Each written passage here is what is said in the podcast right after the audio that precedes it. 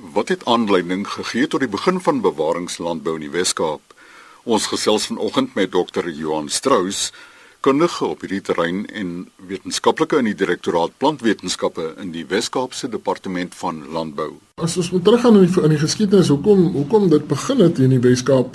Om Jackie Manne, soos baie van ons luisteraars ook in die verlede al gehoor het as hy praat, het dit in die tyd van die van die Lyngsburg vloed, het die manne nog nog steeds geploeg en die grond het baie bewerk voor hulle nou geplant het elke jaar. En met die vloede gepaard gegaan het in daai tyd het die ehm um, boere in, in die Heidelberg omgewing ook redelik baie reën gekry. En oom Jack het op daai stadium gesien hoe sy grond wegspoel en hy het besef maar so kan dit nie aangaan nie. Maar as jy net die vloede nie, ek dink die effek van van droogtes wat wat gereeld kom Ehm um, die Suid-Kaap is is deur 'n lang tydperk wat hulle vir so 5, 6 jaar in 'n ry droë, regtig droë omstandighede gehad het. En die ontwikkeling van die bewaringslandbou binne hierdie uiterstes, wil ek amper sê, het regtig vir ons 'n verskil begin maak oor tyd. Uh as ek net byvoorbeeld 'n bietjie terugdink aan die langtermynproewe wat wat ons as departement opwerk, In 2003 is 'n jaar nadat ons oorgeskakel het na die volle um, bewaringslandboupakket. Voor dit het ons nog minimumbewerking gedoen toe die toe die proef in 96 begin het. 2002 kon ons uiteindelik 'n uh, regte nou-till planter koop wat dan een van die bene van bewaringslandbou is. En 2003 droogte gehad. Niks geoes nie. Die enigste koring wat ons op daai stelselproewe kon oes was wat geplant is op 2002 se Medix en die medics het gehelp om wat dan gelos is en nie en, en die materiaal het gehelp om daai bietjie vog wat daar was in die grond te hou en daai koring het ons dan net so oor 'n ton kom oes.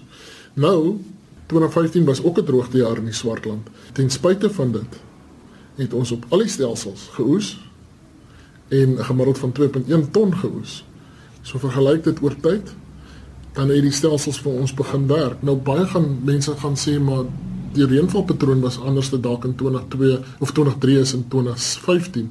Maar ten spyte van dit, um, die hele feit dat daai materiaal wat op die grond is, wat dan help om die, om die vog vinniger in die grond in te bring en keer dat die water nie daai gronddeeltjies oplos as hy kaal grond slaan en dan hy soos 'n afsnylaagie maak wat dan veroorsaak dat die water afhardloop en en dan nie eintlik indring in die grond wat hy wil hê nie daai bedekking wat jy bo-op los help om dit teen te werk. Die water kry tyd om stadig in te syfer en dan gedurende die seisoen help dit om daai verdamping te voorkom. Met ander woorde, jy wil ons wil graag hê water wat in die grond is moet deur die plant gaan, want dan kry ons produksie. As hy tussen die rye in oop grond in die lug gaan gaan verloor ons daai produksiepotensiaal van die water. So in terme van dit het die, die hele struktuur wat opgebou is om om met die feit dat ons meer ploeg nie en die bedekking bewaar het dan gemaak dat ons in droër jare verskille nou sien. Nou kan ons ewe skielik tog 'n oes maak wat ons nie voorheen dalk kon gedoen het nie. En ek dink met die die klimaatsverandering wat aan ons deurklop en baie mense is, is nie noodwendig voorstanders of gelowiges daarin nie. Ek dink ons kom tog oor die laaste 2-3 jaar sien dat daar verskille is in ons in ons reënvalpatrone ten spyte van die feit dat die grond droog is byvoorbeeld hierdie jaar kon ons al reeds met 'n plant en met 'n skuifplanter op langgewens op die proewe gebied gemak plant na 5 mm reën wat ons voorheen nie kon gedoen het nie. Ehm um, selfs ons kampe waar ons diere op het kon ons maklik plant. Ja, ons het hierdie jaar 'n plan gemaak om die die die skaal byvoorbeeld nie so lank op die grond te, te hou um, om op die stoppels nie, want dan gehelp dit 'n bietjie kompaksie wat nie daar was nie. Maar oor die algemeen sukkel ons ons het in 20 twee laas aan die grond gekrap enigstens toe ons nog um, of 2001 toe ons nog minimumbewerking gedoen het van toe af is hy grond nog nooit behalwe die plantaksie geplant nie. So ek is baie opgewonde wat dit aanbetref in terme van hoe ons droogtes en sulke goed hanteer. Die belangrikheid um, van die hele stelsel um, is dat dit 'n geheelstelsel is. Jy weet ou moenie jy kan net een ding doen en, en dink jy gaan suksesvol wees nie. Ons het al baie gevalle gehoor waar ouens begin het met dit na 'n jaar besluit nee, dit werk nie en dan gee jy moed op. Dit is dis 'n langtermyn, dis 'n kopskuif wat 'n mens moet maak en ek dink ou moet jouself 5 jaar gee om hierdie stelsel te maak werk op jou plaas. En dit gaan dit gaan nie van, van aan produsent A na produsent B noodwendig dieselfde wees nie. Ou moet dit maak werk op jou plaas, maar die beginsels is belangrik. En ek dink daar's baie van die produsente in die binneland wat deesdae ook wil begin omskakel het ehm um, sterk groepe in Ottosdal en Ryds wat ons al besoek het wat uitstekende werk doen wat wat mense duidelike verskille kan sien. In in selfs um, die een boer in Ryds omgewing wat wat laas jaar met die droogte goeie oeste gemaak het in vergelyking met sy buurman langsaan wat dalk nog konvensioneel boer. So daar daar's definitief potensiaal in in terme van droogteontsnapping en klimaatsverandering. Ons sien nou die waardes na 20 jaar van die proewe. Ehm um, in in ons het nou 'n skuifplanter ehm um, ingebring in die proewe om om, om koring met te plant en ons kry fenominale resultate. Ons steek niks af by ons stand aanplantings wat ons met tandplanters gedoen het nie. Die materiaal word maklik hanteer. Ons is besig om 'n netwerk op te stel vir ehm um, soos ek weet nie of die luisteraars weet nie maar Rothamsted in Engeland is die oudste basies die oudste na um, landbounavorsingsstasie in die wêreld. En ehm um, alhoewel hulle nog nie gebaseer is op op bewaringslandbou praktyke nie, is die proewe al 175 jaar oud, die oudstes. En hulle het nou dit goed gedink om ouens van reg oor die wêreld wat lanktermyn landbouproewe by bymekaar te bring om 'n netwerk te vorm. Ons ons sien uit na ons kongres later die jaar. Uh, ons skry byvoorbeeld vir Ken uh Flower uit van Australië, Dr Ken Flower. Hy is 'n uh ook 'n langtermyn navorser uh, in in Wes-Australië op op wisselbou en op al hierdie dinge.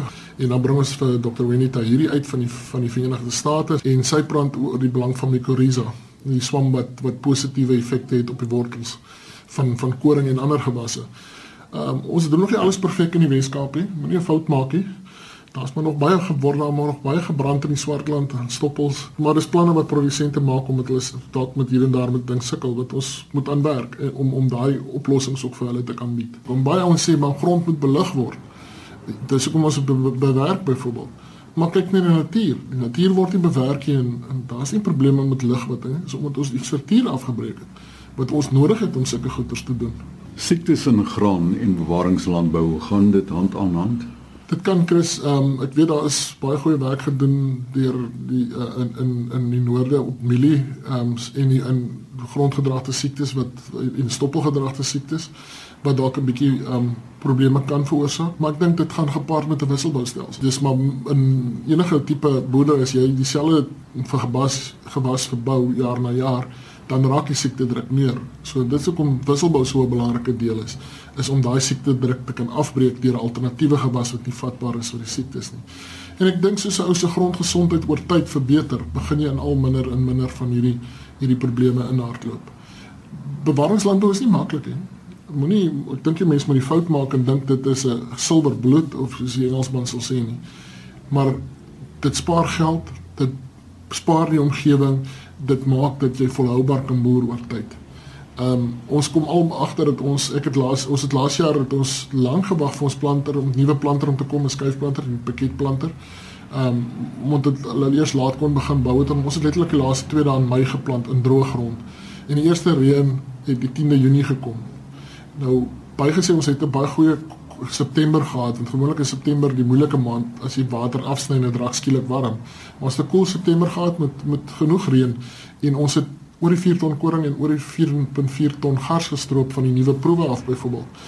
Ons het nie in 2016 seker so op die totaal 90 mm meer gehad op die proewe as wat ons in 2015 in die droogtejaar was en ek het oor die 2 ton gemiddeld meer geoes op daai bietjie ekstra water net omdat daai materiaal die water lekker kon laat ingaan en dit hom langer nat gehou. My persoonlike ding is uh, um opinie is ek sal as ek 'n produsent was nooit iets anders kon doen.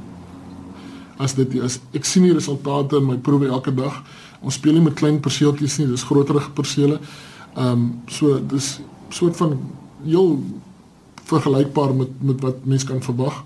Ja, in, in sekere dele is is dit moeiliker. Sand is mak, is nie so maklik om om bewaringslandbou die proses aan die gang te kry om die opbou van materiaal te doen nie. Maar dis hoekom navorsing daar is en ons hoop om as alles goed gaan dat ons um, volgende jaar in sanderige areas van die van die Hopefield area byvoorbeeld um ook 'n wisselbouproef aan die gang gaan begin kry of 'n bewaringslandbouproef waar ons hierdie goeders kan toets. Johan, wat is jou ideaal vir bewaringslandbou voordat jy die dag die beroep vaarwel sê? Dis 'n lekker vraag. Ehm um, my droom is dat dat ons voluit in die Weskaap en ons is amper daar, ehm um, bewaringslandbou sal doen in terme van die minimumversteuring, die wisselbou, Ehm um, die groot begeerte is dat daar dat daar 'n bietjie meer alternatiewe gewasse vir ons kan inkom waar ons ehm um, ons diversiteit kan verbeter. Dekgewasse kan 'n opsie wees, maar produsente wil geld maak en ons is besig om navorsing te doen om te kyk om die ehm um, die moontlikheid van dekgewasse beter te benut wat dan koste of geld kan terugbring en dat materiaal soveel as moontlik behou sal word. En dan seker die uiteindelike doel is dat elke liewe graanprodusent in Suid-Afrika op dië manier sal boer. Waar kan voornemende toetreders meer inligting bekom? In die Weskaap enige tyd welkom om my te kontak. Ehm um, daar is baie produsente wat ook gewillig is om te praat oor oor oor hulle stelsels. Ehm um, ons kan julle vir ehm kontak sit met hulle en dan in die noordelike gebiede is ek dink die beste kontakpersoon ehm um, Dr. Hendrik Smit by Graan SA. Hy het ook 'n passie vir wat vir vir hierdie stelsels en hy sal dit julle in die regte met die regte mense in kontak kan bring om daaroor te praat. En ek dink die belangrikste ding is as 'n ou besluit om dalk dit te oorweeg is om jou huiswerk te doen. Gaan kyk wat ander ouens doen. Luister en doen jou huiswerk voor jy voor jy sommer net met 'n stelsel begin. Ehm um, en en ek meen as iemand anders al die skoolgeld betaal het, kan jy baie leer van so iemand. Ehm um, en dan dan is dit maar net begin op 'n klein stukkie. Ehm um, niemand sê jy moet jou hele plaas op een slag begin probeer op uh, 10 hektar of 10% van jou plaas miskien dit te doen en en so tot jy die probleme uitgesorteer het en lekker agter die kap van die byl kom en dan kan jy oorskakel in jou hele plaas doen. Daar is ook al 'n webtuiste beskikbaar nie waar nie. Ja, ons ons het 'n 'n webtuiste in die Weskaap. KwaZulu-Natal het ook 'n webtuiste. Die Weskaap se een is www www.blwk.co.za en ons is nou ehm um, bevoorreg om een of twee drones ook in die departement te hê wat ons kan gebruik hommeltuie en ons is, is besig om interessante inligting bymekaar te sit in in in video formaat ook om praktiese goeders vir ons te kan illustreer wat ook met tyd op die webtuiste sal kom.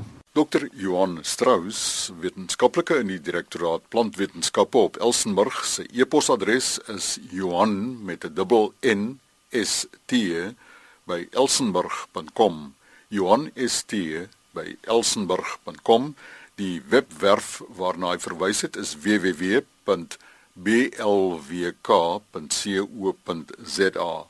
tot 'n volgende keer beste wense